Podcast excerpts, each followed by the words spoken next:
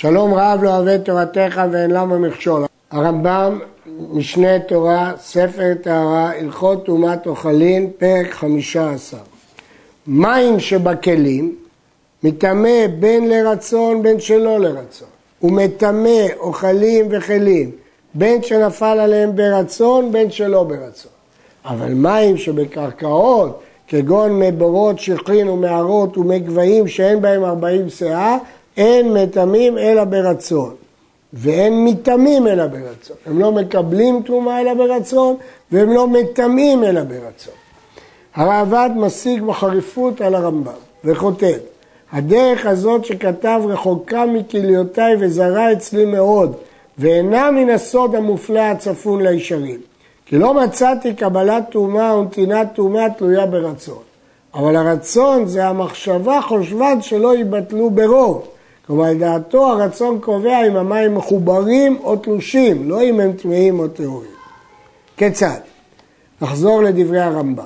מים שבקרקע, שאין בהם ארבעים שאה, בין שהיו שאובים, בין שאינם שאובים, שנפל לתוכן המת, או שהלך בהם הטמא, הרי אלו טהורים. מדוע? כי הם מחוברים, הם בקרקע, זה לא נחשב לרצון ולכן הם טהורים. הרייבד משיג, תימה, אם ילך בהם הטמא, אין רצון גדול מזה. כמובן שהתירוץ לרמב"ם שהוא לא ילך ברצונו, היה מוכרח לעבור שם, כמו מי שעבר בנהר, שזה לא ברצון. אבל אם שתה מהם אדם טמא, או שמילא מהם בכלי טמא, או שנפלו לתוכם משקים טמאים ברצון, הרי אלו טמאים ואף על פי שאין בקרקע. שתה מהן הטהור אחר שנטמעו בקרקע, או שמילא מהם בכלי טהור, נטמע השוטה ונטמע הכלי. שהרי ברצון שתה או מילא.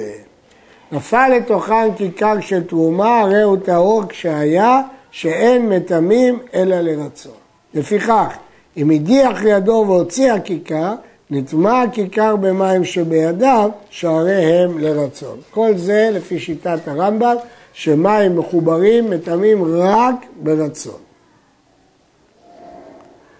מי גבהים, מים מכונסים ולא שאובים, וכיוצא בהם ממים שבקרקעות, כגון מי בורות, שכרין ומערות, ומי תמצית שמתקבצים ממה שנוזל, שפסקו, ומקוות שאין בהם ארבעים שאה, שנטמעו וירדו עליהם גשמים, ורבו מי גשמים עליהם, אף על פי שלא שטפו, הרי הם טהורים. כל אלה לא נטמעו ברצון, ומי מקווה שנטמעו טהרו כשנתבטלו ברוב המים הכשרים של הגשמים. לפיכך, כל המים שבקרקעות כגון מי גבהים וכיוצא במשעת גשמים, הכל בחזקת טהרה. למה? כי רבו עליהם גשמים. פסקו הגשמים. הקרובים לעיר או לדרך טמאים, שהם בחזקת ששתה מהם טמא ושמילאו מהם בכלים טמאים, הרבה אנשים עוברים פה. אולי ישתמש שתה מהם או מילא כלי טמא, ולמדנו שזה ייקרא ברצון, ולכן זה טמא. הרחוקים טהורים, עד שיהלכו רוב האדם, ילכו הכל בחזקת טומאה, שהולכים בשיירות, שותים וממלאים בהם, ויש בהם הרבה אנשים טמאים, ומטמאים את המים לרצון. במה דברים אמורים בגבר שאפשר לשתות ממנו? קיבוץ של מים שלולית שאפשר לשתות. אבל גבר שאי אפשר לשתות ממנו בדוח הגדול צריך מאמץ להיכנס לתוך הסלע להוציא מים, הרי זה בחזקת טהרה, כי מסתבר שאף בן אדם לא נכנס לשם. עד, אלא אם כן, שימצא מקום פרסות רגלי אדם או פרסות רגלי בהמה גסה ניכרת בו. הוא ראה בפירוש שבן אדם או בהמה נכנסו שם.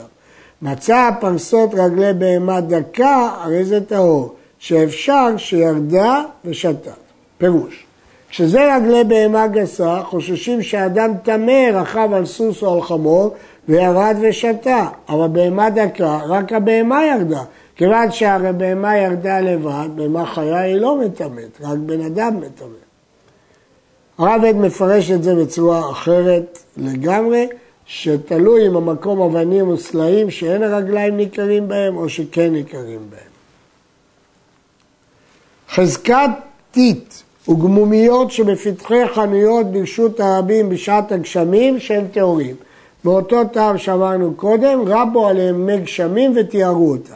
פסקו הגשמים, הרי הם כמי שפיכות. אנחנו אומרים, זה לא מי גשמים, אלא מי שפכים וחוששים להם. שבשווקים הולכים בהם אחר הרוב. כלומר, עם רוב מי גשמים או רוב מי שפכים, וגם עם רוב הקונים והמוכרים טמאים או טהורים. גבש שנפל לתוכו יין או חלב או דבש, הולכים אחר הרוב.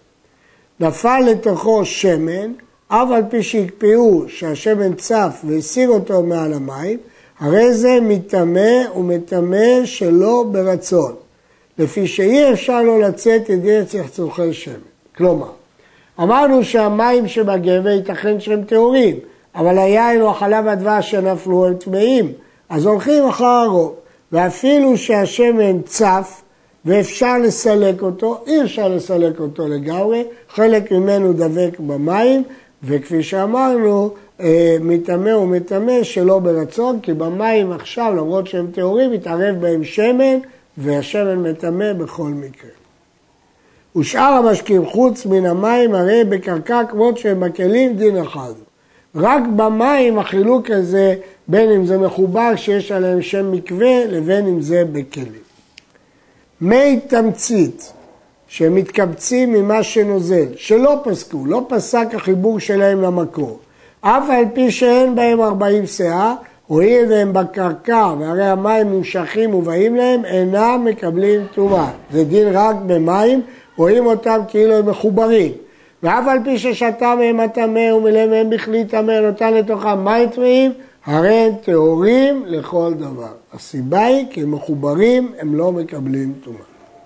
מי שהיה אוכל תרומה בידיים טמאות, כגון דבלה שלא הוכשרה, והכניס ידו לתוך פיו ליטול צרור.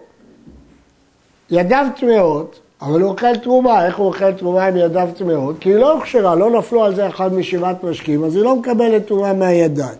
אבל תוך כדי אכילה הוא הכניס את היד לפיו ליטול צרור והיד נרטבה.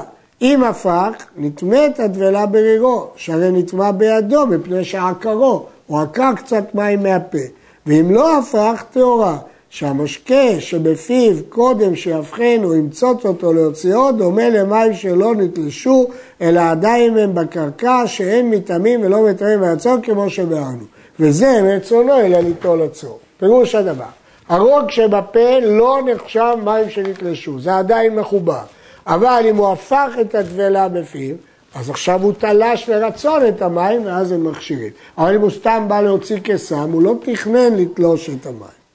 היה פונדיון, מטבע, לתוך פיו, ופשט ידו לנוטלו, והטבלה לתוך פיו, אם הניחו לצמאו, היה להם מנהג שהמעות שלפי האדם משקיטים את הצמאון. הרי זה הרוג כעקור, כי המטבע מושכת אל הרוג. נטמא את הטבלה מחמת משקה פיו, שנטמע מחמת ידו, כי הוא ברצון משך את משקה פיו, אז זה כבר לא מחובר. נסכם שוב. המשקה כל עוד בתוך הפה הוא מחובר, אבל אם הוא הפך דבלה או עשה איזו פעולה שמשכה את המשקה, ברגע הזה זה תלוש לרצון וזה מכשיר לקבל תרומה. האישה שהייתה אוכלת אוכלים של תרומה שאינם מוכשרים והייתה גורפת את התנור הטמא, אבל האוכל לא נטמע כי הוא לא מוכשר. והיכה קוץ ויצא ממנה דם, ונזכיר שהדם הוא אחד מה... משקים שמכשירים, אבל הדם לא נפל על האוכל, אלא היא מצצה את אצבעה מפני הדם. או שנכווית ונתנה אצבעה לתוך פיה. אז בשני המקרים האלה לא הבעיה הדם או הכוויה, הבעיה שיוציא הרוק מהפה בשביל להשקיט את הכוויה או את הדם.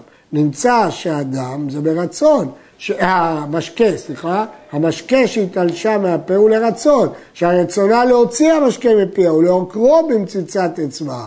כיוון שזה לרצון, זה מטמא. לדעת הרמב"ם, מדובר באישה טהורה ותנור טמא. הרעב"ד הבין שמדובר באישה טמאה והדיון הוא שהיא מטמאת את התנור. עד כאן.